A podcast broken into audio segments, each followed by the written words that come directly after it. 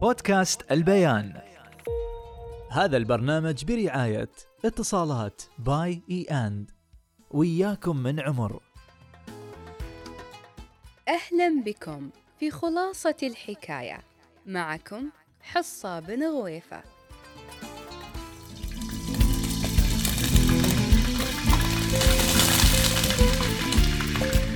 كلنا أو أغلبنا يفضل تناول رقائق البطاطا المقلية أو ما يعرف بالشبس نتخذها كمقرمشات للتسلية ولكن هل سألنا أنفسنا ما هي قصة هذه القرمشة؟ وكيف بدأ الناس بتناول الشبس كطبق جانبي؟ دعوني أخبركم أن الشبس طبق رأى النور بالصدفة. نعم بالصدفة. وأن المكان الذي اخترع فيه هو مدينة نامور البلجيكية حيث كان يقام فيها مهرجان سنوي يعرف بأسماك النهر الصغيرة. وحدث عام 1781 أن تجمدت مياه النهر الذي تطل عليه المدينة فاستحال على الناس الصيد فيه ليضطر أحد الطهاة إلى تقطيع البطاطا على شكل أسماك صغيرة وقام بقليها لينال إعجاب الناس في ذلك الوقت. وبعدها انتشرت الوصفة في العالم بشكل كبير.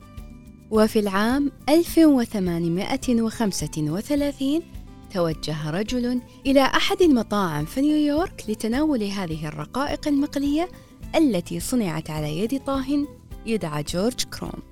فلم تعجبه لأنها سميكة فقرر الطاهي تقطيعها بسمك الورقة وقام بقليها ليطلق عليها اسم شرائح سارتوغا لتنتشر بشكل كبير ويستحسنها الكثير.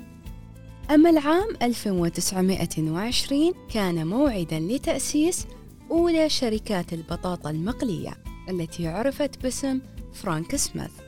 عملت الشركة على تعبئة رقائق البطاطا في أكياس من الورق. بيعت في مختلف أنحاء لندن. وتم وضع أنواع من التوابل لزيادة النكهات منها الجبن والملح والبصل والخل. وفي عام 1954 تم تصنيع الشبس بنكهة الشواء لأول مرة في الولايات المتحدة الأمريكية. هذه هي قصة الشبس الذي بات عنوانا للتسلية في مختلف المناسبات. وهذه حكاية قرمشة اخترعت بمحض الصدفة.